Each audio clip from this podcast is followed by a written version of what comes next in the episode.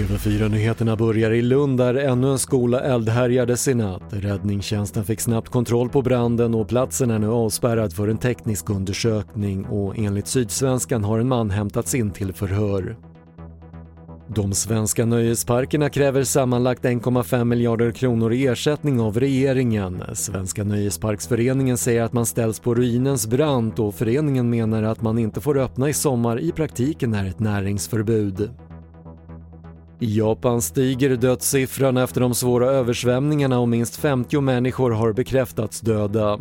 Tiotusentals hjälparbetare har satts in för att rädda strandsatta men arbetet har varit mycket besvärligt eftersom regnet inte visar några tecken på att avta. Och cyklandet ökar i Sverige och det är framförallt yngre som sätter sig på sadeln. Enligt Nationella cykelrådets siffror för 2019 cyklade 11% av befolkningen en vanlig dag och man tror att coronapandemin har fått många att ändra sina resvanor. Det var det senaste från TV4 Nyheterna. Jag heter Patrik Lindström.